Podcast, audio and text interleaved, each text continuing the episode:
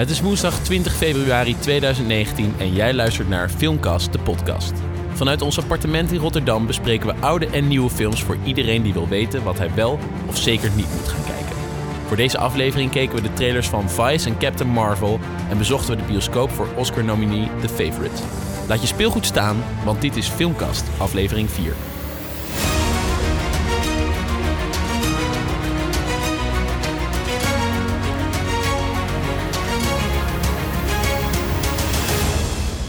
Het zonnetje schijnt en wij zitten binnen. Ja, want wij zitten voor jullie een podcast te maken. Ja, en onze wekelijkse podcast, de film, eh, Filmcast podcast, eh, waarvan de laatste... Is, ja, dat is nu eh, een maand en zeven dagen geleden. Ja, maar ja, wekelijks is ook maar een begrip, hè. Dat doen we gewoon omdat mensen dan, zeg maar, in die anticipatie blijven van... Wanneer komt die nou? Ja, ja, precies. Dit is allemaal deel van... Kijk, soms worden films ook gewoon uitgesteld, geschrapt... Eh, en dat doen wij ook, omdat we het gewoon heel belangrijk vinden dat we echt iets goeds voor jullie neerzetten. Want de vorige was natuurlijk Bumblebee. Ja. Nou, dat was een tegenvaller. Ja, verder wil ik ook geen eh, vingers wijzen. Dat kan ook niet bij een podcast, dus dat scheelt. Maar het was Cheertje schuld. Laten we daar even... Dat het- eh, Ja, ja, ik zat drie weken in Zeeland. Ja, en in Zeeland, daar hebben ze geen podcast. Nee, in Zeeland hebben ze eigenlijk nauwelijks gaswater licht. Ja, dus laat staan podcast. Ja, precies. Ik moest brieven schrijven naar Stijn. Dus die kwamen een week later aan. Dus toen, toen bleek dat ik een dagje in Veenendaal was. Nee, dat is helemaal niet waar. In Rotterdam was. ja, ja. ja. Toen, eh, toen was Stijn er niet. Ja, maar goed, nu zijn we er wel, allebei. Eh, we zijn er weer klaar voor. We hebben een film gezien. Eh, maar voordat we zeggen welke dat is... Een monster van een film. Een monster van een film. Eh, Er, er is veel gebeurd in de tussentijd. We hebben de laatste keer natuurlijk wel de Golden Globes meegenomen. Maar ondertussen zijn er ook Oscar-nominaties. Ja. En zijn ze bijna eigenlijk al Over zes uitgereikt. dagen wordt, eh, worden ze uitgereikt, ja. Ja, 25 februari. Dus voor ons nu zes dagen. Voor jullie weet ik niet wanneer dit eh, online is verschenen. Maar het duurt in ieder geval niet lang meer. Eh, dus we gaan dat lijstje zeker even doornemen. Want er zijn een paar echt grote kanshebbers. Waarvan een paar super interessante. Zoals bijvoorbeeld, ik zeg het alvast even, Roma.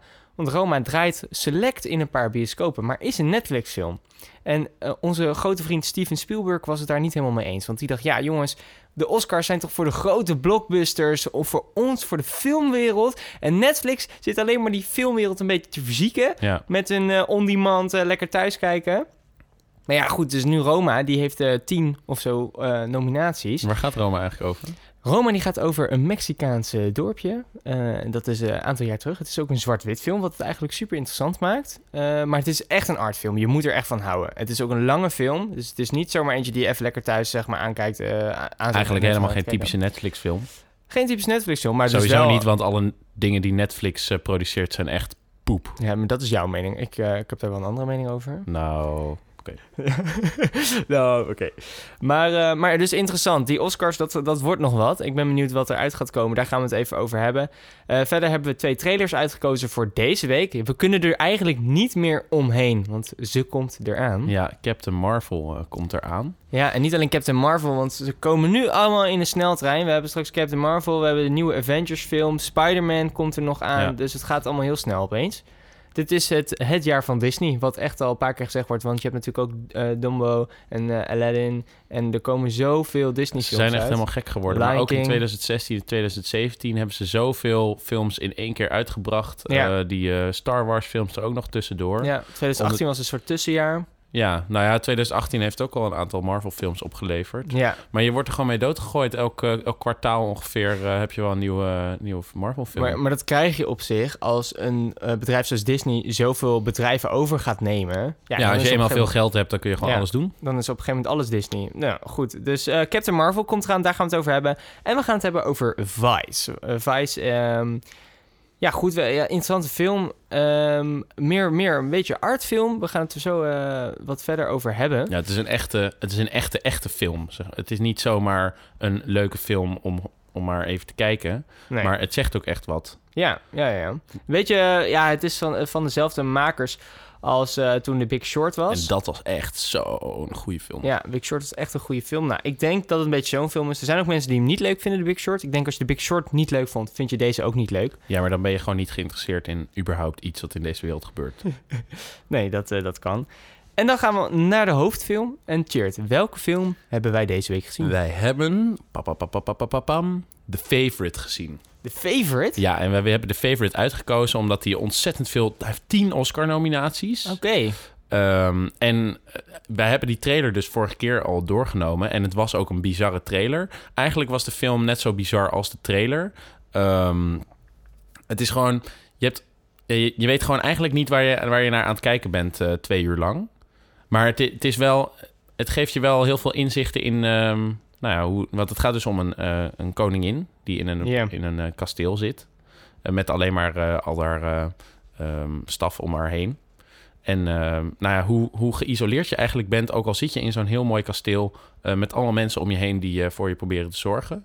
En het is in de 18e eeuw, dus ehm, nou ja, wij, wij gaan vroeg, gingen vroeger wel eens naar kastelen toe. Dan gingen we kijken in, naar die bedstays en zo. En, of nou, hoe heet dat? De hemelbedden.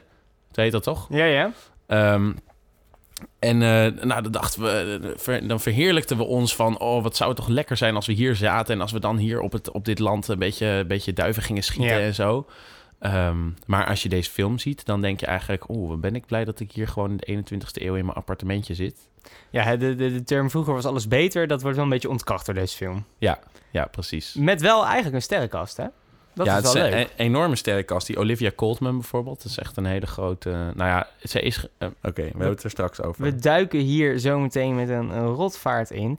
Ehm, ja, goed. En dan gaan we nog heel even kijken naar onze filmkast. Hè, waar, waar- welke, welke film staat. We hebben een korte samenvatting. Fantastic Beast, nummertje 7. Die staat mooi nu in het midden. Ja. Want daarboven op plank 8 staat Mortal Engines. En daaronder, op plank 6, staat eh, Bumblebee. Ja. Maar ja, ik vind die nog steeds te hoog staan. Ja, Eigenlijk. staat hij te hoog. Maar, Maar ja, goed. goed, we hebben maar drie films, dus dat scheelt. Precies. Van, van, eh, aan het einde van de aflevering komt Favorite ergens te staan. Ja, en dan eh, gaan we eens even kijken. Laten we nu snel verder gaan naar Captain, Marvel. Your life began the day it nearly ended. We found you with no memory. We made you one of us. So you could live longer, stronger, superior. Nou, we hebben dus eh, Captain Marvel, eh, de trailer, gekeken.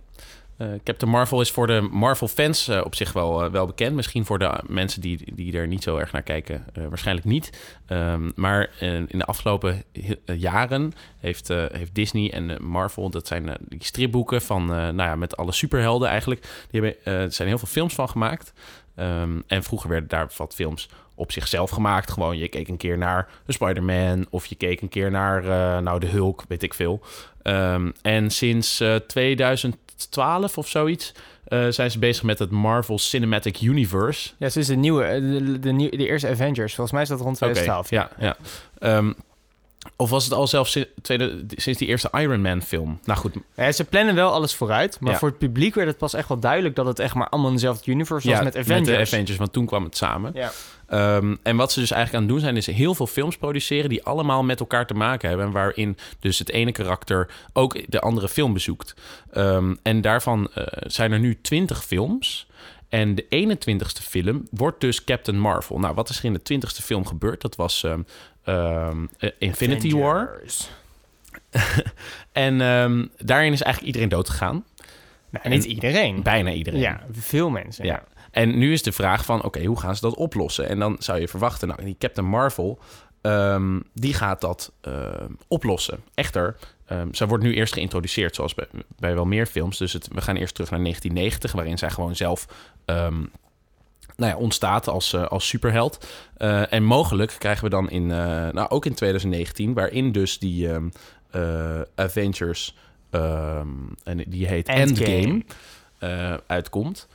Eh, dat zij mogelijk dus de, de wereld daar gaat redden. En dat wordt dus de 22e film. En eh, dat wordt waarschijnlijk ook ehm, de laatste film van eh, fase 3 van de Marvel Cinematic Universe. Want er zijn dus dan t- t- eh, 22, 23 films Ja, of zo. dat wordt afgesloten. En dan zal ook waarschijnlijk het hele verhaal van Thanos afgelopen zijn. Ja. Ehm, maar dan komen er nog wat eh, andere films, zoals eh, Spider-Man en zo. Dus het, eh, dat, nou ja, dat gaat gewoon door. Ja, maar ze zeggen dus wel dat het echt de laatste film is van bijvoorbeeld Robert Downey Jr. als Iron Man. Ja. Eh, van van ehm, Captain America. Van noem maar op, dat het, dat het een beetje klaar is. Ja, nu. dat, dat, maar het werd ook, zoals je zag in de, in de loop der tijd werd het ook steeds meer. Eerst keek je gewoon naar Robert Downey Jr. als Iron Man. En ondertussen werden niet alleen de Avengers, maar de, de eerste Avengers, daar zaten nog maar vier Avengers in of zo. Ja. Maar de laatste Avengers zaten echt allemaal in. Dus het, het, werd gewoon, het liep gewoon uit de hand. Dus ze moeten ook een beetje wat gaan schrappen, denk ik. Eh, en dat, dan is Endgame eh, dit jaar, nou ja, waarschijnlijk de grote climax. Nou, wat ik wel interessant vond, is inderdaad in Infinity War, in de laatste Avengers-film, zeg maar, waar alles echt fout gaat, wat eigenlijk ook niemand zag aankomen, wat eigenlijk een geniale film Nee, was. ja. Ehm, zie je op het laatste stukje na de trailers, zie je dus, ehm, hoe noemen we hem, Samuel Jackson, hoe heet hij ook weer in de films? Nick Fury.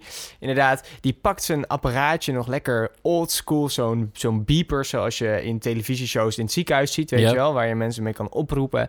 Eh, en die, die, die typt daar wat in voordat hij zelf oplost, hè, want Thanos die lost de Ah, helft. En op dat apparaatje verschijnt het logo van Captain Marvel. Ah. En pas toen dachten mensen, oh, dus hier komt die Captain Marvel dus Ja. ergens, nou ja, van pas in het verhaal. Want Ja. eerst was, waar, waar komt die in hemelsnaam die Captain Marvel nou tussen? Ja, nou en dan denk je nu in maart van, dan wordt het allemaal opgelost. Maar ja, dan gaan we dus eerst helemaal kijken wie die Captain Ja. Marvel nou is. Wat eigenlijk wel fijn twee uur is. en vijf minuten naar Captain Marvel kijken. Ja, maar ja, dat vind ik ergens wel fijn. Want anders ga je dus naar een superheld kijken waarvan je niks van weet, die dan Nee. de boel komt redden. Want ze zeggen ook dat Captain Marvel de, de, zeg maar, het allersterkste is, Ja, klopt. de meeste superpower heeft van alle Avengers. Ja.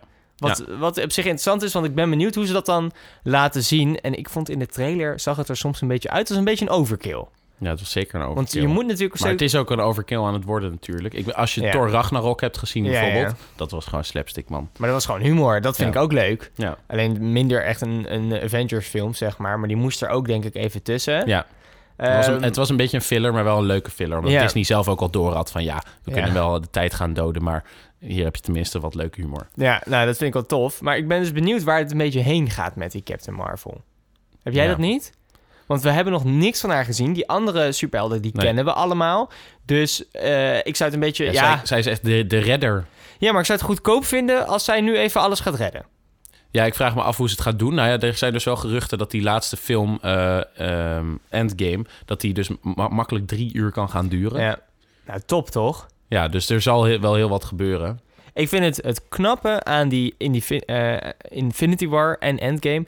is dat zeg maar, ze hebben een mega groot publiek. Want Infinity War is ook een van de weinige films... die over de miljard of zo eh, Ja, eh, dollar omzet of zo is Ja. gegaan. Maar goed, dus die hebben een, een mega publiek... maar niemand weet welke kant het op gaat. Er zijn honderdduizend theorieën. Wie gaat wat nou oplossen en dat soort dingen. Maar niemand weet het echt. Ik vind het best knap als je zo'n groot project zo stil kan houden. ja, ja, dat is wel knap. Ja, dus Maar het staat natuurlijk allemaal... Kijk, ah, ze zijn misschien wel aan het filmen, maar je weet dan natuurlijk... Ook al ben je een keer bij die set of zo, of zie je daar een keer... Kijk, bij- Game of Thrones was het heel snel duidelijk dat eh, Jon Snow weer zou gaan leven. Omdat ze hem op de... Heeft hij weer? Ja, omdat ze hem dus op de set een keer hadden gezien bij het, eh, bij het opnemen. Maar ja, je verwacht nu ook... Kijk, het maakt nu niet meer uit eh, of je nou weer eh, Doctor Strange voorbij ziet komen. Want ja, het kan ook een flashback zijn die ze aan het opnemen zijn. Of dat... Ook al zie je die gasten lopen, je weet echt totaal niet waar het naartoe gaat. Nee, en dat is, ik, vind, ik vind het echt vet. Dus ik ben benieuwd, zeg maar, naar die Captain Marvel. Zij wordt gespeeld door... Eh, ja, Camembert of zo. eh. Oh, oh, Brie. Je bedoelt Brie. Oh ja, Brie Larson. Ja, ja, ja. Ja, Brie Larson eh, speelt het. En Brie Larson heeft dus al gewoon een Oscar gekregen voor haar, ehm, voor haar rol in Room twee jaar geleden. Dus het is eigenlijk, nou ja, ik denk wel een goede actrice. En hij is dus geregisseerd, de film, door ehm, Anna Boden en Ryan uh, Fleek. Fleek. Ja, en Fleek. wie zijn dat? Frack. Heb ik nog nooit van gehoord. Ik, nee, ik kan zijn naam ook niet goed lezen. Fleck. Anyway, Fleck. Eh, Ryan Fleck. Nou, dat zijn dus twee mensen die hebben elkaar ontmoet op de filmacademie. En die zijn eigenlijk samen... Alle films die ze ooit gemaakt hebben, hebben ze samen gemaakt. En ze waren al een keer benaderd om eh, Guardians of the Galaxy te, te regisseren. Maar dat is toen niet doorgegaan. En nu krijgen ze in één keer wel zo'n enorme film als ehm, eh, Captain Marvel. Eh, mogen ze gewoon uit het niets eigenlijk eh, gaan filmen. Ja, die gasten die kennen elkaar allemaal. Dus, eh, Ja, maar dus- hoe dan? Want zij hebben maar vier films op hun naam tot nu toe. ja, Waarvan de laatste in 2015. ja, Dus hoe kan je dan in één idee. keer... Ja, Ongelooflijk. Ik heb geen idee. Nou, ze kennen, die, ze kennen een van die directors van, van Marvel, kenden ze. En ik denk dat hij ze dus heeft aangeraden. Ja. En hij, vond, hij heeft gezegd van, dat, dat hij het echt een dynamic duo vond. Dus dat hij, nou, dat hij er wel vertrouwen in heeft. Nou, dat vind ik ook wel tof hoor. Dat je niet eh, alle bekende mensen eh, van de wereld gaat uitnodigen. Maar ook gewoon in dit geval de underdog. eh. Ja, precies.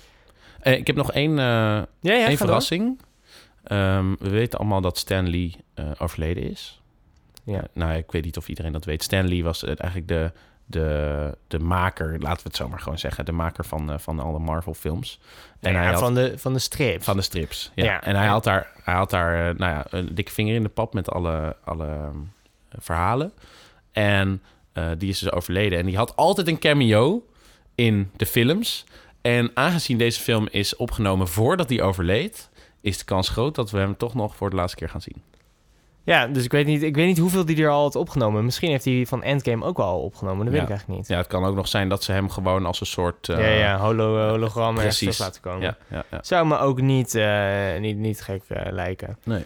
Hey, woensdag 6 maart, dan komt hij uit. Breed ook. Echt overal in elke bioscoop kan je hem wel, waarschijnlijk gaan kijken. In 3D, 4D, eh 4DX. eh, ja, maar je moet wel een beetje snel zijn, want volgens mij in april komt Endgame al. Dus je hebt een maand, een Ja. goede maand, om deze even... Maar dat is dus een beetje, dat is dus eigenlijk ook die overkill. Dat ze gewoon de laatste jaren gewoon constant die films aan het eh, eruit eh, proppen zijn. Ja, daarom voelt het ook een beetje bij Captain Marvel als een soort tussenfilm van... oh shit, we moeten... Ja, dat zal Ja. vast wel niet, maar zo voelt het een beetje. Van oké, we hebben straks Endgame, daarvoor moet nog een logische verklaring komen voor die Captain Marvel. Ja, Dus we gooien nog even een film ertussen. ja ik denk, eigenlijk- misschien was het slimmer voor ze geweest als ze Captain Marvel toch in de kerst al hadden uitgebracht. Want dan had je nu een, had je een halfjaartje gehad tot, eh, eh, tot dan eh, Endgame. Ja. En dan, want waarschijnlijk doen ze, willen ze die Endgame, april, ma- mei, Ja. willen, ze voor de, willen ze de hele zomer door laten draaien. Ja.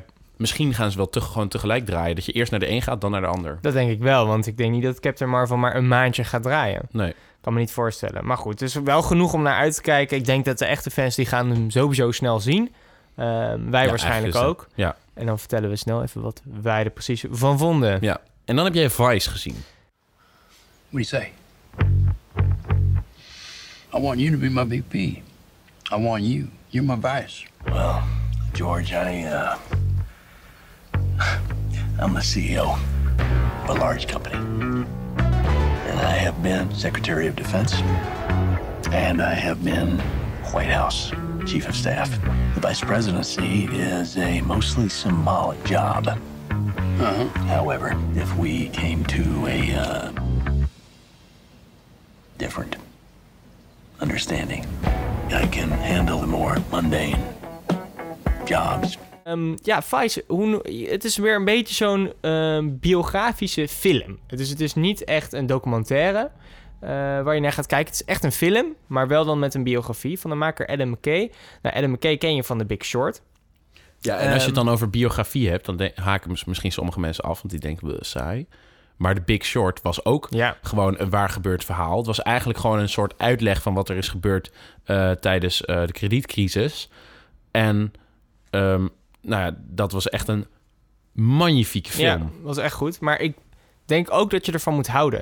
Ehm, zeg maar, de, de- dit zijn verhalen die zich afspeelden spelen in Amerika. De, zeg maar de Big Short ook. Dat ging over de, de huizenmarkt daar en de crisis. Eh, dit gaat over een Amerikaanse eh, vice, eh, vice president, zeg maar. Dick Chimney heet hij. Mhm. Oh, dat zeg ik niet goed. Of zeg ik dat goed? Ja, ja Chi- Cheney. Ja, ik weet niet hoe je het precies uitspreekt. Ongeveer zo. Ja, en je zou hem dus bijna niet herkennen. Maar hij wordt gespeeld door Christian Bale. Geniaal. Die we echt eerst nog hebben gezien als Batman. Ja. En nu heeft hij eh, echt een dikke pens, jongen. Maar wel allemaal kunstmatig, denk ik hoor. Want Nee, ik denk het dus niet. Nou, dat denk ik eigenlijk wel. Want Maar hij staat er wel onbekend dat hij Ja. heel snel kan afvallen en aankomen. Dat hij dat ook wel doet voor films. Dat, dat, eh, dat geloof ik. Maar zijn hoofd is sowieso ook met, weet ik veel, allemaal eh eh, gelatine aange, aangemengd. Ja, dat zou wel kunnen, ja. Dus misschien de rest ook. Maar dat weten we niet. Ja, klopt, eh, Christian Bale. Maar zoals ik, ik wil even terugkomen, zeg maar, als jij niet in die Amerika-scene zit en je vindt het ook niet zo interessant wat daar allemaal gebeurt, dan vind je deze films misschien ook niet leuk. Ik kan me voorstellen dat je dat dan niet interesseert. Maar goed, Vice gaat dus over het waar gebeurde, eh, gebeurde verhaal van eh, Dick Cheney. Hij is eh, een vice, vi- ja, vicepresident ehm, van, de, van de VS. Hij zat onder George Bush destijds. Ehm, ze hebben van eh, 2001 tot 2009 samen het land geleid. En eigenlijk was hij een van de eerste eh vice-presidents die echt macht kreeg.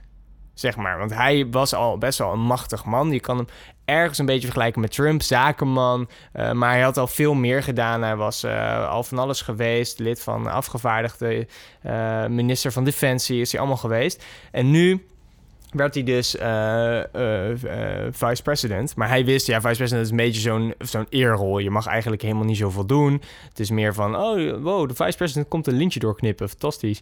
Maar hij zei, joh, dat hoef ik allemaal niet. Ik heb genoeg met mijn eigen bedrijf. Ik heb al genoeg gedaan. Dus ik wil gewoon, als ik deze rol krijg...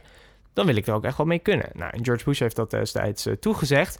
En ehm, of dat een goed idee was, weet ik niet. Want eh, hij bleek een enorme voorstander van lekker oorlog voeren. Van de Iran-oorlog is echt vanuit hem lekker aangewakkerd. Ehm, wat hem een beetje... Nou ja, veel mensen waren, zien hem wel een beetje als een, een, een, eh, nou ja, een soort schurk in het hele Ja. verhaal, zeg maar. Ja. In ieder geval geen aardige man. Het mooie Ehm, is dat Vice ook eh, corruptie betekent. ja, dus het is een leuke, leuke dubbeltitel. Eh, tof.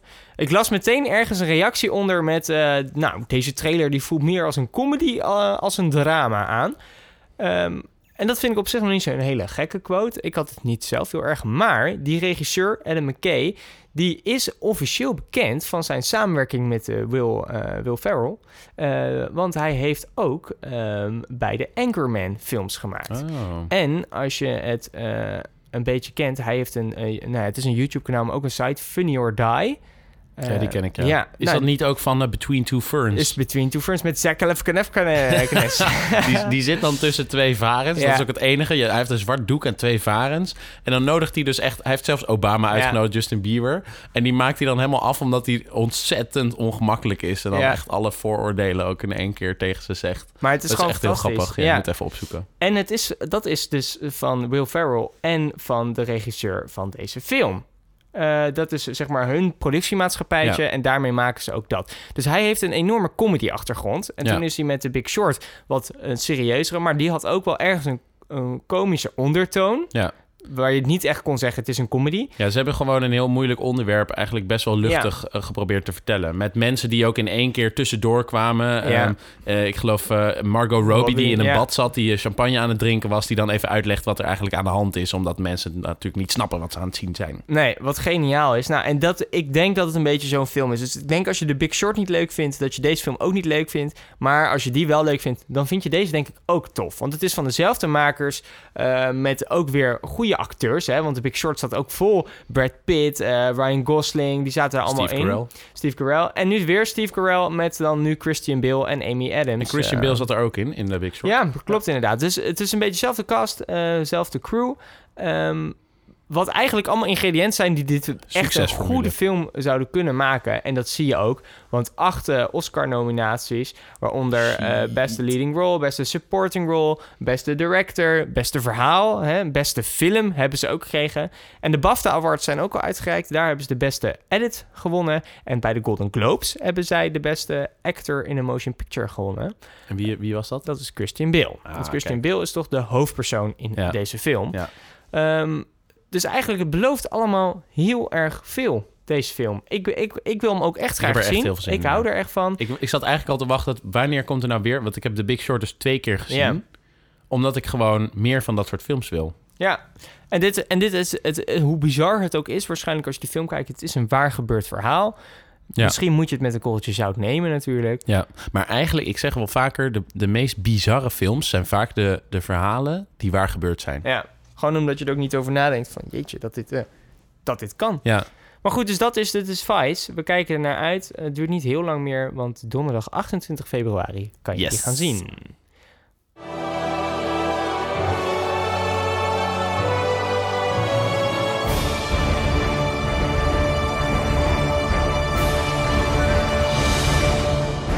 De Oscars 2019. Nog een paar dagen, 25 februari worden ze uitgereikt. Ehm, beste films genomineerde, cheered. Black Panther, Black Klansman, yes, Green Black Book. Panther. Roma, Stars Born, Vice ook, hè? Bohemian Rhapsody en The Favorite. Het zijn allemaal films die we eigenlijk ook al langs hebben gehad toen we de Golden Globes gingen Ja, bespreken. ja, precies. Ja, Behalve dan ze- eh, Vice, want die was toen nog niet uit, Nee. volgens mij. Nee, dat Of kan. wel? Jawel, want die heeft ook een Golden Globe gewonnen trouwens. Was die dan niet genomineerd? Die was misschien niet genomineerd voor beste film, Dat zou kunnen. maar nu wel. Ehm, maar de rest hebben we ook eigenlijk allemaal al gehad. Ik ben wel benieuwd welke denk jij dat hij eh, dat hij hem gaat krijgen. Ik denk, nou ja, k- eh, The Big Short heeft heel wat eh, Oscars gekregen. Ja, En, eentje, precies. en heel veel nominaties bedoel ik dan. maar die, maar dus ik denk Vice maakt, eh, maakt een goede kans. En anders denk ik een hele andere in dat rijtje is dan The Favorite. Ik denk wel, dat is, ik, The Favorite is gewoon, gewoon een staaltje kunst. Oké. Ik denk, dat zou best wel kunnen zijn. Kijk, de Big Panther gaat hem niet worden. Black KK Klansman heb ik niet gezien. Nee, maar dat wordt hem niet. Denk je niet? Nee, nee, nee. Want die heeft ook bij de uh, Golden Globes is hij ook echt, echt buiten de, buiten de prijs Oh, ja, gevallen. dan wordt het hem niet. Ik denk dat Green Book hem gaat pakken. Ja, want ja die heb jij gezien, hè? Ja, die heb ik gezien. Echt een goede film. Beetje een Moonlight van een paar jaar terug. Zeg maar wel een heel ander verhaal. Mhm. Maar een beetje hetzelfde maatschappelijke belang. Ja. Ehm, ik denk dus... Heel veel mensen denken dat Roma hem gaat pakken. Mhm. Ik denk dat de Academy, die dus de Oscars uitreikt... niet voor Roma gaat. Omdat Roma dus een Netflix-film is. En omdat er Zou zoveel kunnen. mensen uit de filmwereld... eh, zich al hebben laten vallen over het ding van... ja, een Netflix-film Ja. met zoveel eh, nominaties... die eigenlijk onze industrie kapot loopt te maken... maar dan wel Ja, gaat winnen... Denk Maar dat, dat, zou natuurlijk ook een beetje belangenverstrengeling zijn als ze hem daarom niet doen. Ja, maar de hele Oscar is belangenverstrengeling. Ja, er zit er geen één waarde meer eigenlijk aan vast, eh, Mhm. vind ik dan. Hè. Eh, maar goed, dus ik denk misschien Green Bookie. En je kan best wel gelijk hebben dat de favorite alsnog eh, hem gaat pakken. Kijk, een Bohemian Rhapsody is een goede film, maar die gaat geen beste film in de Oscars pakken. Nee, nee, dat denk ik ook. Nee, dat is echt een beetje zo'n Golden Globes film. En Ja. het is een beetje zo'n eh, nou ja, een, een zingende musical-achtige film. Ja.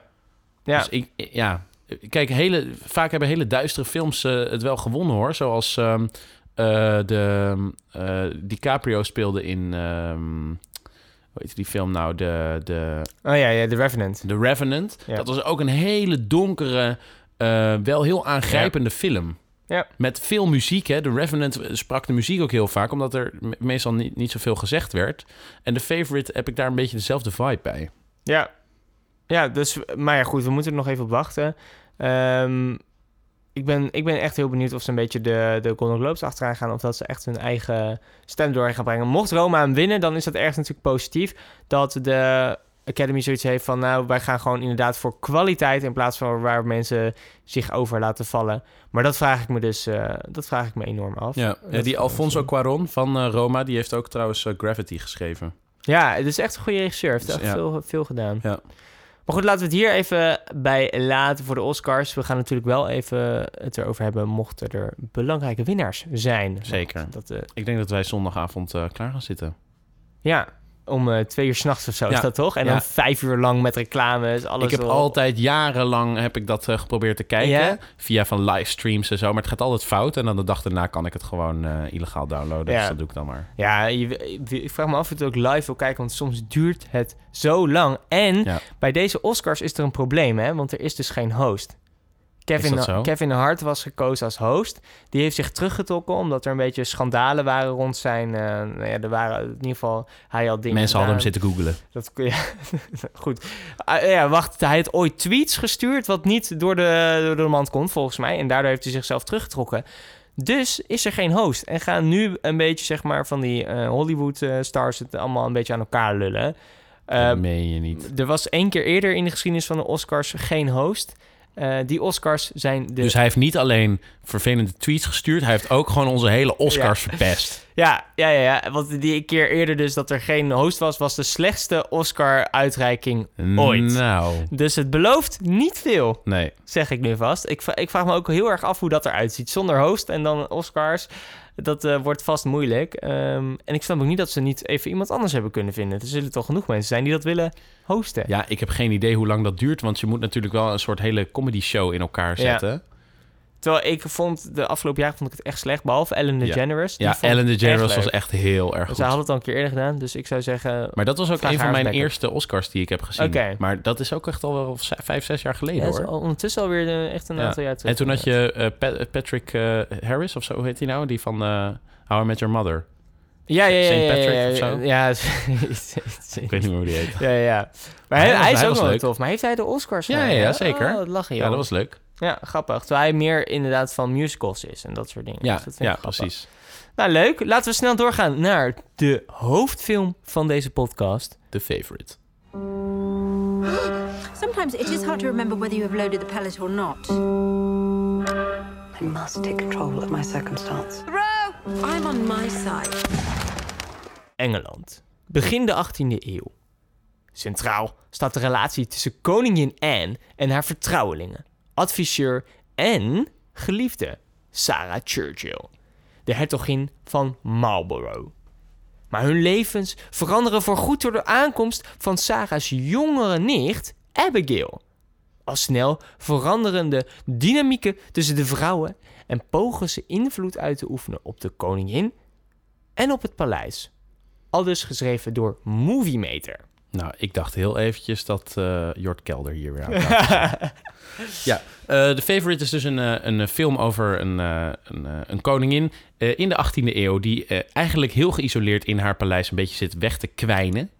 Eh, zij wordt ges- gespeeld door Olivia Colman. En Olivia Colman heeft voor deze rol ook al meteen een Golden Globe eh, bemachtigd. Ja, en terecht. En terecht. Ja, ze speelt ontzettend goed. Ze heeft zelfs eh, ze is zo erg eh, zich gaan voorbereiden op deze rol dat ze 16 kilogram is aangekomen. 16, 16 kilo. 16 kilo. Dat zou betekenen dat ik nu 90 kilo zou Holy wegen. moly. Ja, dan moet je echt heel ja, dat veel is baklava voor eten. inderdaad, ja. Ehm, dus eh, zij heeft zich eh, nou ja, niet alleen goed voorbereid, maar ze heeft die rol ook echt uitmuntend gespeeld. Eh, Olivia Colman kun je bijvoorbeeld kennen van, ehm, nou ja, van nou, ja, ik heb vorige keer al gezegd Broadchurch, waar ze Ellie Mella speelt. Ehm, ik vind haar een hele, hele vriendelijke actrice. Ik gun het haar gewoon ook echt dat zij die Oscar wint waarvoor ze is genomineerd. Verder heb je Emma Stone, die je bijvoorbeeld kent van Birdman. Daarin is ze ook genomineerd voor een Oscar. Eh, La La Land. en La La Land heeft ze er zelfs één gekregen. En Emma Stone Ja. is echt... ehm, kijk, ze, ze was van Easy A. Dat is een beetje Ja, een, flauw, flauwe, flauwe, flauwekulle film. En daarna is ze pam, pam, pam, echt hele goede films gemaakt. Terwijl ze echt super jong is. Ja. En dan zit ze nu weer hierin. eh, maar ze past er ook gewoon heel goed. Ik vind dat haar heel veel rollen heel goed staan. Ja, ik dacht echt van tevoren bij deze film... oké, is dit wel een goede match? Want je kent inderdaad Emma Stone van een beetje de vrolijke, Ja. leuke films.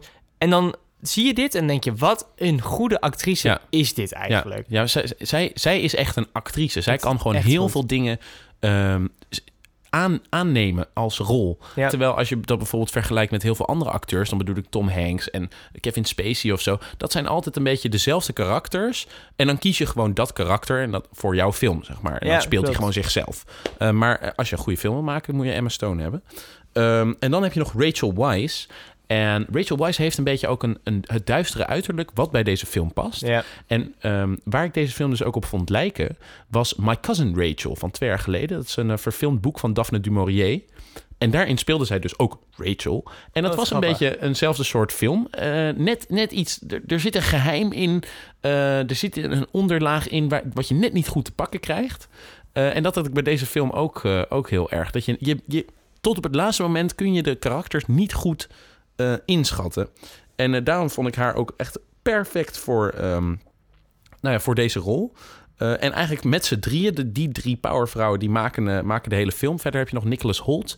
Ehm, hij is bekend bijvoorbeeld van, nou ja, van Skins. Dat is een, een Engelse televisieserie. En Warm Bodies. En de grotere films waar hij in, heeft gespeeld... is bijvoorbeeld eh, ehm, eh, X-Men... waar die, waar die die wolf... of hoe heet dat? Die, dat The Beast heet. Oh, ja, ja, ja. Die blauwe, blauwe eh, wolf. Ehm, en eh, hij, hij, hij is daar eh, nou, echt een ondersteunende acteur. Hij heeft niet een heel grote rol. Maar ik herken hem ook bijna niet. Want Nee. hij zat helemaal onder de make-up en onder de, onder de pruiken. En het grappige is dus... eh, omdat het een film gaat die over ongeveer eh, eh, eind 1700 gaat... ehm, daarvan zijn er niet zo heel veel films gemaakt. Dus alle pakjes en zo die ze aan moesten hebben... Ehm, die, die lagen niet ergens in een, in een warenhuis of zo om de, voor, voor films. Dus ze konden ze eigenlijk niet huren. Dus daarom hebben ze alles maar zelf gemaakt. Zelf gemaakt. Ze hebben alle pakken en alle duur? pruiken. Ja, nou ja, dat is dus minder duur dan ze huren. Omdat er dus maar misschien in de wereld maar één set van die pakken is... eh, kost dat veel meer geld. Dus ze hebben mensen hebben ze, hebben ze al die dingen laten maken. En die, zelfs die pruiken dus, die lange eh, grijze kru- gekrulde pruiken... die hadden hun eigen trailer. Dus die werden helemaal beveiligd. En ehm, nou, ze hadden er natuurlijk ontzettend veel. Ja. Ehm, eh, dus nou ja, en daarom denk ik bijvoorbeeld ook dat deze film wel eens de Oscar voor beste ehm Costume design. kostuum design gaat winnen. Ja, ja. Naast heel veel andere Oscar-nominaties. Ik noem er maar een paar. Eh, beste film, beste script. eh, eh, Olivia Colman, Rachel Weisz zijn alle, en, en Emma Stone zijn allemaal genomineerd. Ook cinematografie. Want het is heel goed. Het zit heel goed in elkaar. Want die regisseur, eh, die Yorgos Lantimos, die heeft bedacht, net zoals wat volgens mij bij The Revenant het geval was, die hij overigens niet geregisseerd heeft hoor. Ehm, hij heeft heel veel natuurlijk licht gebruikt. Ja, Dus ehm, zonder extra lampen of wat dan ook, echt dat vuur eh, en, en het, het daglicht, waardoor het een beetje een, een grauwige en dat, juist dat vuur, dat geeft dat hele oranje gloed, maar ook, een, ook heel erg eh, benauwend vind ik dat. Want je zit daar al in dat kasteel eh, met elkaar. ehm, en dan, dan ook nog die, dat, dat vervelende rode gelicht. Je krijgt gewoon niet echt lekker lucht daar. En Nee. ik denk dat die film daar ook een beetje over gaat.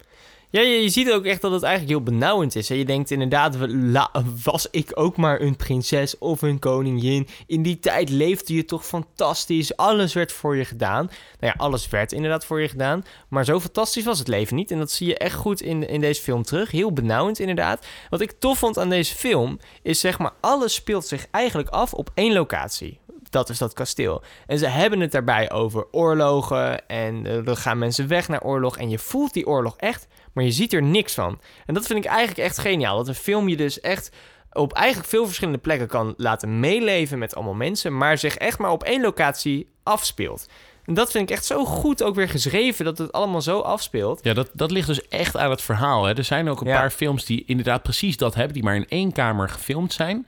Eh, en toch is dit, dat verhaal zo ijzersterk in elkaar. Dat is, dat is onder andere de kracht van deze film. Ja, en dat vind ik echt tof. En eh, je ziet ook heel erg inderdaad dat het leven toen geen pretje was. En dat een koningin eigenlijk ontzettend veel macht had. Want alles werd besloten door de koningin. En je ziet in Ja. deze film, zij was eigenlijk niet echt capabel om zulke beslissingen te maken. Nee, je ziet dat zij een beetje ten onder gaat aan haar eenzaamheid en eh, isolatie. Eh, en zij heeft dus, eh, kijk, in, eh, in, in die tijd had je ook niet echt hele goede geneesheren en hele goede psychologen waar mensen dan terecht kunnen. Dus zij, zij zit echt met haar eigen ziekte, met, met kruidenpapjes die gemaakt worden in het bos. en haar, haar depressie, want ze is volgens mij heel veel kinderen verloren of zo. Ja, dat zeiden ze ook Ja. op een gegeven moment. Echt meer dan tien gewoon. Ja, en dat vreet haar gewoon helemaal op van binnen. Ze wordt helemaal gek daar. En ze heeft niemand waarbij die ze echt kan vertrouwen. Ehm, wat, wat vond jij eh, toen, we die film... eh, aan het begin van de film, wat vond je daarvan? Ja, ik wist dus niet zo goed wat ik moest verwachten. Wij hebben hem vrij laat gezien, want hij draaide al nou ja, een week of twee.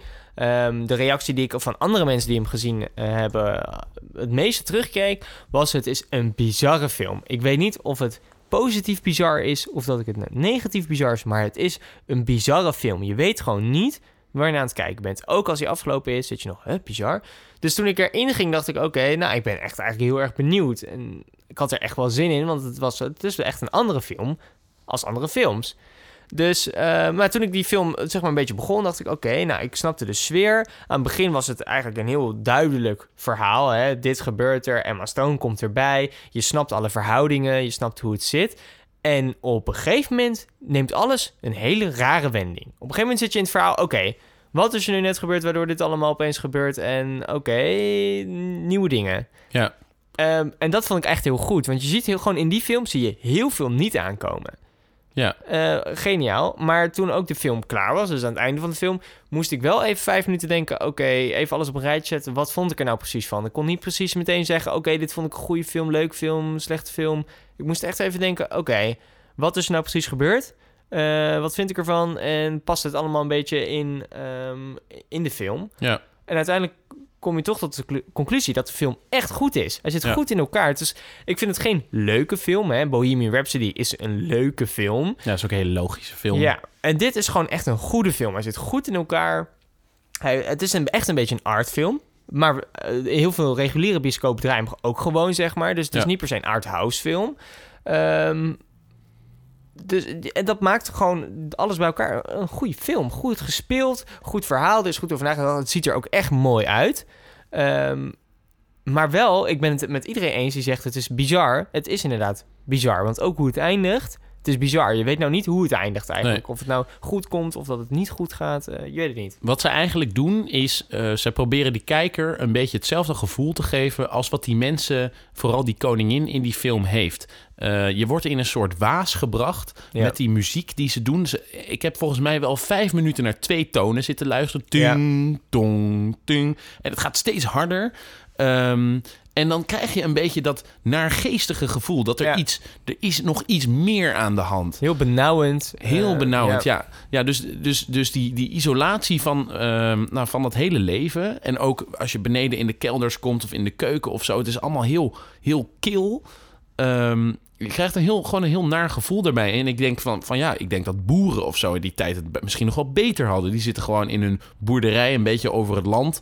eh, Ja. Met hun handen in de modder. Dan, dan, voel je je in ieder geval vrij.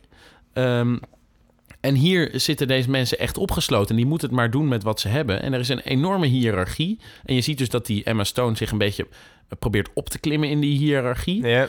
Ehm, en dat het er op zich nog wel lukt.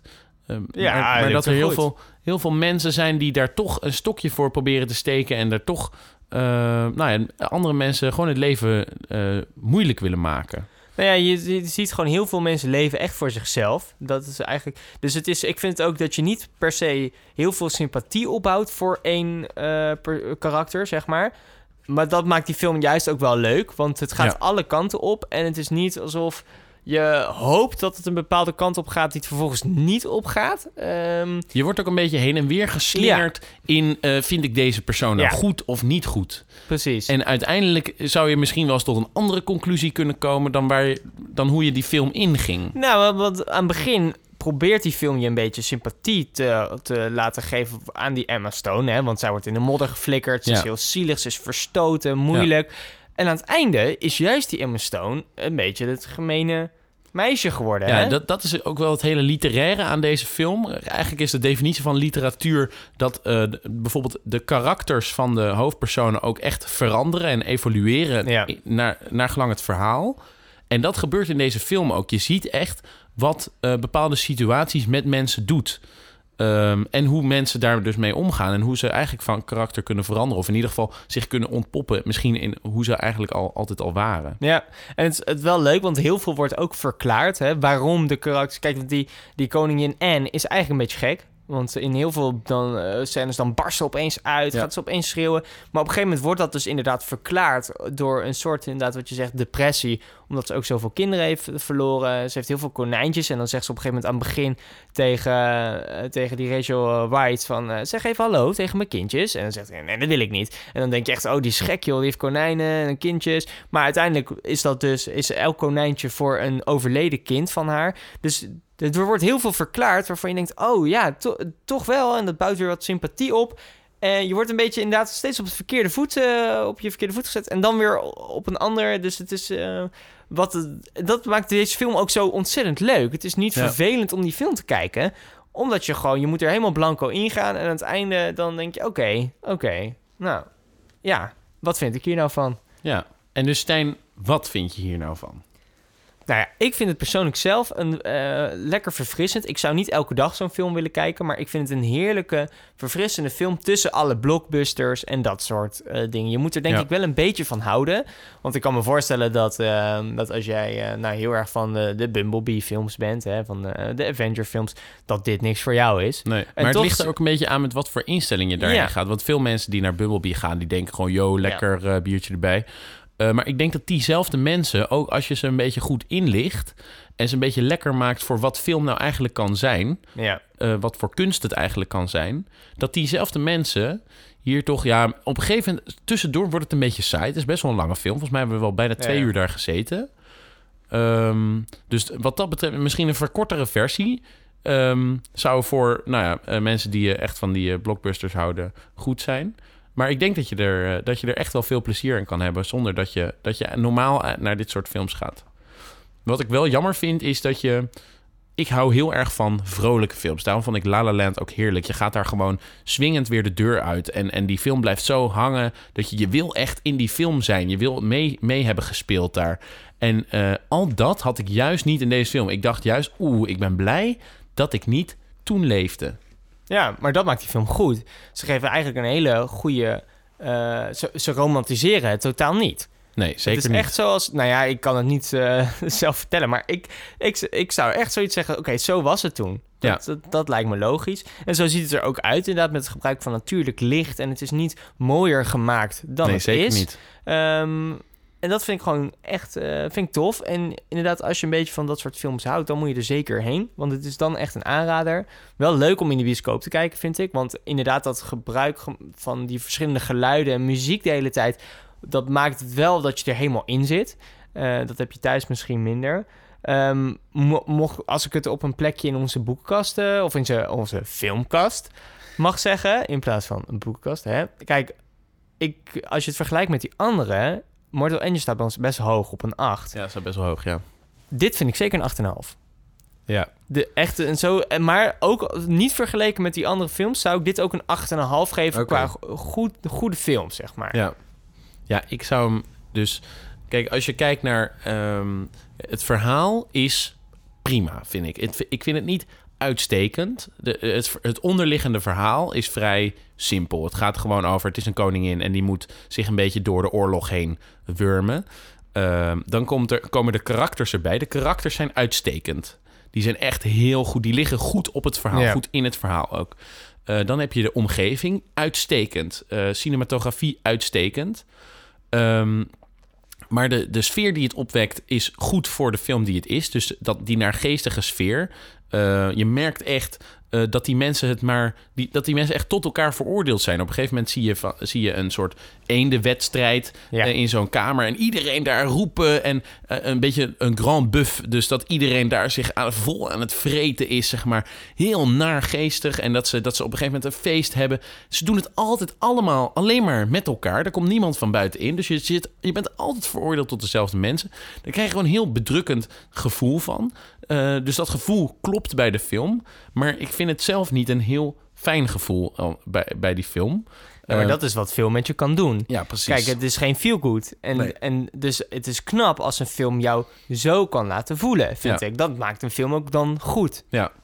Ik denk dus al met al had ik was het een perfecte film geweest, was het echt een 9 geweest als dat verhaal me nog net iets meer gepakt had dat ik aan het einde echt dacht van oh ze hebben me echt te pakken gehad. Oké. Dus daarom zeg ik ik ik geef het hem een 8. Dus op de achtste plank zou ik dan zeggen. Oké, en die van mij zit tussen plank 8 en 9 in. Maar dan wordt het dus plank 8 wel, omdat eh twee keer Ja. 8. Ja, en dan moeten we misschien dan zetten we hem gewoon links van ehm, Ja, Mortal. Engines. Ja. Dan staat hij er in ieder geval boven of voor in ieder geval. Ja. Uh, maar een 9, ik denk dat we daarvoor nog echt wat betere films moeten zien. Oké, nou wel, wel interessant. Ehm, betere films komen er misschien aan. Eh, ik weet nog, ja, dat is een heel ander soort film. Maar Avengers eh, Infinity War scoorde bij mij zelf ook ontzettend hoog. Vond ik echt een goede film ook. Niet alleen eh, leuk, maar ook echt goed. Dus wie weet met Captain Marvel of Avengers Endgame of misschien ook Vice... dat we, dat we die negen keer gaan, gaan tegenkomen. We weten het niet. We gaan het zien. Jullie horen zeker snel van ons. Jullie horen weer snel van ons. Ehm, we hebben tegenwoordig ook een Facebookpagina. Ja. Die heet gewoon Filmkast. Ga daarheen met Volgens- een K. Volgens mij kan je zelfs gewoon facebook.com slash filmkast in eh, typen. Nou, dat zou helemaal te gek zijn. Ik En, denk ook als je eh, ons googelt, het woord filmkast. dat K. denk ik niet. Maar misschien wel. Probeer het We gewoon. zijn nog niet zo Ja, populair. als iedereen daar nou gewoon naar googelt, dan Ja. denkt Google... hey, hey is googelt in één keer iedereen naar filmkast. Ja, dus probeer dat. En eh, mocht je op een andere manier eh, iets kwijt willen, dan kan dat eh, naar ons e-mailadres. En dat is filmkastpodcast.nl. En tevens... Nee, dat is de website trouwens. We hebben nu ook een website, dat wil ik zeggen. Dat is de website. Een nieuwe website. Ja, eh mail at filmkastpodcast.nl. Daar kan je gewoon een mailtje naar kwijt. Maar nu inderdaad de website. eh, Ja. staat En je moet wel snel zijn, want we hebben echt elke week bergen met post. En alleen echt de allerleukste met, met leuke cadeautjes en leuke tekeningen. Die, die gaan we echt ook openmaken. Want anders komen we er gewoon niet aan toe, jongens. We moeten ook nog naar de film. Ja, we moeten ook nog naar de film. En we moeten nog andere dingen doen. Jongens, jongens, wat is er druk. Ik wil eigenlijk zeggen tot volgende week. Maar dat kunnen we niet beloven. Nee, Dus tot de volgende keer lijkt me een beter idee. Bedankt voor het luisteren. En, dit eh, was Filmkast. Podcast. podcast. Tot de volgende. Keer. Dag.